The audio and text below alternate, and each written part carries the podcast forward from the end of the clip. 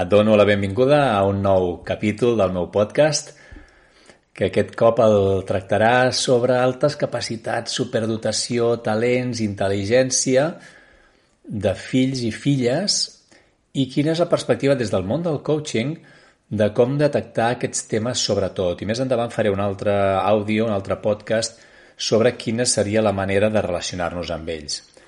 Faig aquest, aquest àudio, aquest podcast, perquè per mi és molt sorprenent que moltes vegades arriben nois i noies al despatx amb 14, 16, 18 anys, que després d'estar tota la vida al sistema educatiu, hi ha molts pares que es preocupen i els estimen molt, no han aconseguit ser detectats com a altes capacitats quan jo veig molts senyals molt ràpidament de que alguna cosa pot haver-hi d'aquest tema.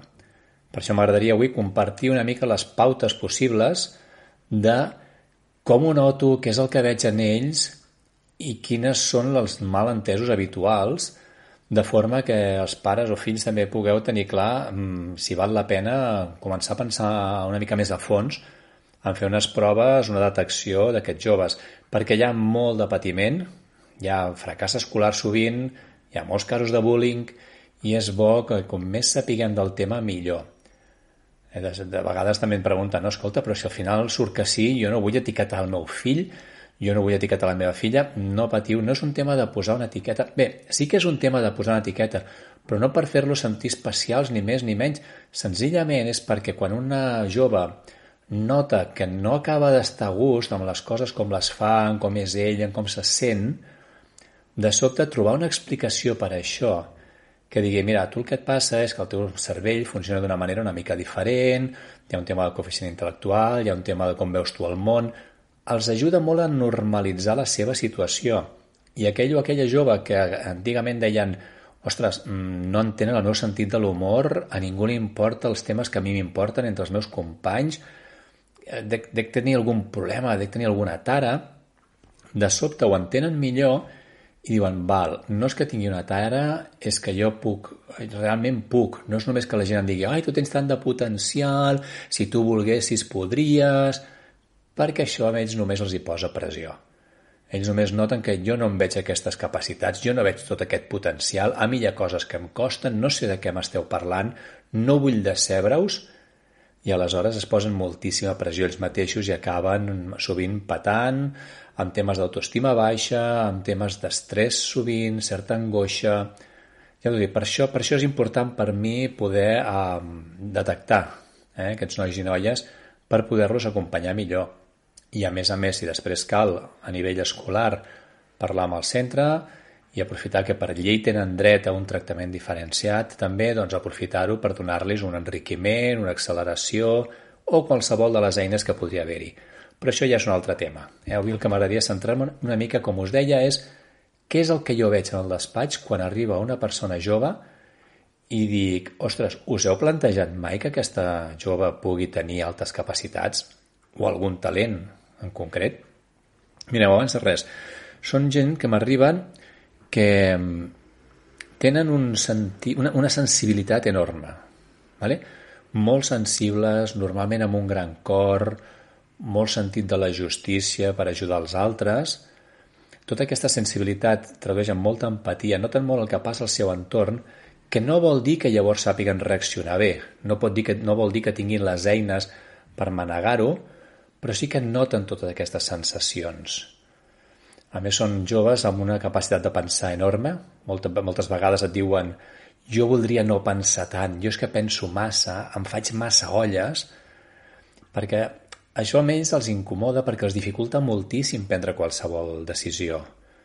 El famós llibre de Demasiado inteligente para ser feliz eh, en parla d'aquest pensament arborescent, que tots són branques i branquetes de, ostres, i si decideixo això, quines conseqüències té?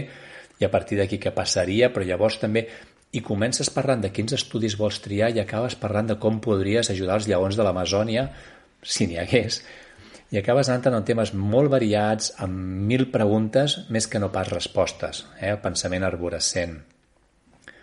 Són joves, com us deia, amb moltíssima sensibilitat, amb la qual qualsevol cosa els afecta moltíssim. De seguida noten molt la pressió, tant des del si tu volguessis podries, noten que, ostres, ja m'estan posant pressió de que ho he de fer tot perfecte, ells mateixos ja s'exigeixen molt també moltes vegades, que no vol dir que s'esforcin, no vol dir que facin les coses bé, però sí que els agradaria poder les, fer les coses perfectes fins al punt que a vegades ni comencen a fer-les, eh? no s'animen, no s'atreveixen a fer-les per por de no arribar al nivell que tothom espera d'ells o que ells mateixos esperen d'ells. Una altra característica important d'aquests joves és que com que normalment el sistema educatiu no els representa un desafiament massa gran, normalment, mai els, els ha calgut esforçar-se, mai els ha calgut organitzar la feina ni planificar-se i ho acostumen a deixar bastant cap al final. De fet, això té una part xula, que és que quan hi ha una data amb una mica de pressió els dona una mica més d'emoció, d'al·licient, de demostrar que ho poden fer ràpid i tot i així fer-ho bé, però mentrestant els pares van patint tot ho deixa per l'últim moment, no se'l veu motivat, no s'esforça, quan li calgui esforçar-se que farem, eh, que aquí els pares ja comencem a preveure problemes en el futur, i pot ser que algun dia tinguin aquests problemes o pot ser que no, però d'entrada hi ha aquesta dificultat per l'esforç, perquè a més, com us deia, el sistema educatiu moltes vegades no els motiva. No els motiva pels continguts d'una banda, perquè els continguts és si jo ja ho he entès, si jo ja ho estic fent, per què ho he de repetir 58 vegades? I l'altre també és perquè el sistema en si no els ajuda en quant a comprendre'ls. Hem sentit professors a vegades que diuen tu hauries de saber la resposta, potser és que tan llest no ets. Eh? O baixa la mà, que ja sé que et saps la resposta, la qual cosa els fa sentir malament davant dels seus companys, no? Tu ets el motivat, tu ets l'empollon, i els fa sentir malament amb el grup, al final ja no preguntes res alguna vegada el seu, el seu sentit de la justícia i de la, fer les coses ben fetes fa que notin que el professor s'ha equivocat i ho fagin saber davant de la classe. Perdona, això que estàs dient no és correcte en algun tema que més els agradi molt. L'altre dia un client em parlava no, del shut the door i shoot the door, en anglès, quan seria tanca la, la, la porta i l'altre seria dispara-li a la porta, que el professor ho estava dient malament. I el nano no va poder aguantar-se i va dir professor, que això que estàs dient no és correcte, amb la qual cosa es va guanyar l'enemistat del professor perquè a vegades hi ha professors que no saben acceptar aquestes correccions, no saben aprofitar la diversitat de l'aula per, per fer una aula més, més potent i més, més, més unida doncs com us deia, el sistema moltes vegades els fa que ells mateixos vulguin tancar-se, ignorar el sistema, no m'hi sento a gust. Aquí, perdoneu-me si vaig saltar una miqueta, eh? estic sent una mica arborescent jo també, anar-me una mica per les branques, però també haurien de diferenciar molt sovint certs comportaments que normalment coincideixen més en nois i noies, o sigui, amb la divisió per gènere, i és que les noies, com que són més socials i els interessa més adaptar-se i encaixar, moltes vegades intenten passar desapercebudes. No diuen res, s'adapten, són aplicades, fan bé els seus treballs, no donen problemes i per això són molt més difícils de detectar. Es donen molts casos de noies que són detectades quan van al psicòleg per, la família per, pel germà, que és el que sí que està donant uh, més problemes. I llavors els diuen, escolta, com que és un tema hereditari, en gran part el tema de la intel·ligència, us heu plantejat que potser la vostra filla també ho sigui? aleshores fer-los les proves i detectar que també la filla ho era. Però hi ha molts menys casos detectats de noies que de nois. No perquè hi hagi menys noies amb altres capacitats, sinó perquè els nois es fan veure més. Eh? Els hi costa més llavors el, encaixar amb el model.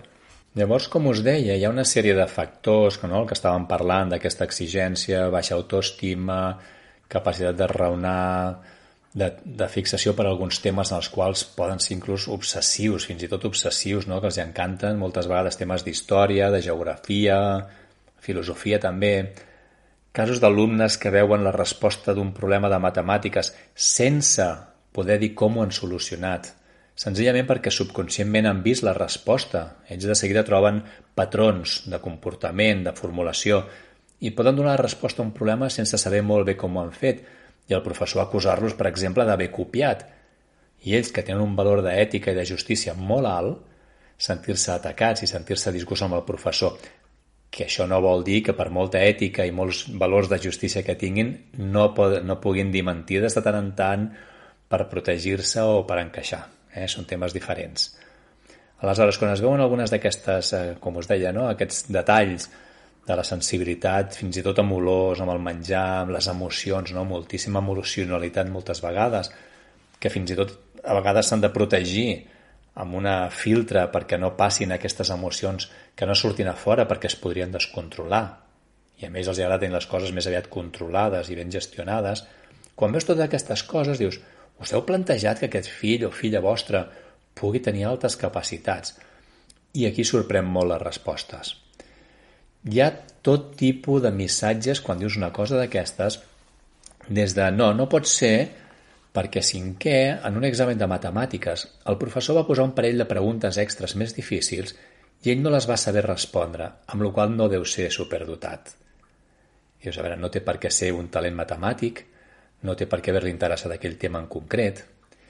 Altres vegades trobes pares o mares, i fins i tot professors, molt superdotat no pot ser quan no treu tant tot excel·lents, quan no totes les notes són matrícules d'honor, oblidant que per treure bones notes no només cal tenir intel·ligència, sinó que també cal una motivació que moltes vegades no troben. Altres vegades diuen no, home, no, com vols que sigui altes capacitats? Mira quina mala lletra que fa. És normal, perquè el seu cervell va tan més ràpid, va tan més ràpid que la seva mà, que no poden preocupar-se d'escriure bé, perquè si no, no, no, no podrien escriure totes les coses que ells voldrien escriure. Eh, moltes vegades hi ha tal quantitat d'idees que fins i tot, si ho ajuntes amb el seu pensament arborescent, quan arriba la pregunta de l'examen, es poden quedar bloquejats, sobretot amb els exàmens tipus test, perquè trobaran l'argument, trobaran el raonament per justificar que qualsevol de les respostes podria ser correcta o per dubtar de la pregunta. Què vol dir realment el professor amb aquesta pregunta? I aleshores començar a donar-li voltes i arribar a un lloc totalment diferent dels seus companys. Pot ser un pensament molt disruptiu, molt, molt diferent. Eh? Aquesta capacitat de complicar-se la vida a vegades, que si a més a més l'autoestima està baixa, prendre decisions i arriscar-se pot ser complicat. És a dir, no tenen per què ser alumnes brillants.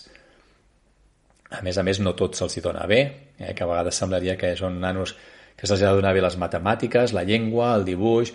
No té per què, Eh, aquí és la diferència també entre altres capacitats i talents, que a vegades hi ha amb un talent creatiu o visor espacial que es diu de, de, dels espais, de col·locar les coses, de veure figures en 3D, que no tenen per què tenir totes les capacitats en tots els temes, però no per això deixen de ser nanos amb unes necessitats diferents, amb una sensibilitat, etc, com estàvem dient. Altres pares també et diuen home, com vols que sigui altes capacitats si és super immadur? Eh? És un nen molt immadur que tant et parla com un adult i sap de tot moltíssim, com de sobte fa una rabieta, se li desborda la ira, és super immadur. A veure, no deixen de ser adolescents, i un adolescent precisament és la persona que està entrant amb la maduresa dels adults, però que encara té una, un peu, diguem-ne, a la part més infantil. Aleshores, pot ser que siguin immadurs? Completament. També és normal que l'adolescència la passin molt abans que no pas altres nanos de la, de la seva classe. Eh? Perquè precisament el coeficient intel·lectual moltes vegades el que et diu és com va la seva edat intel·lectual referent a la seva edat física.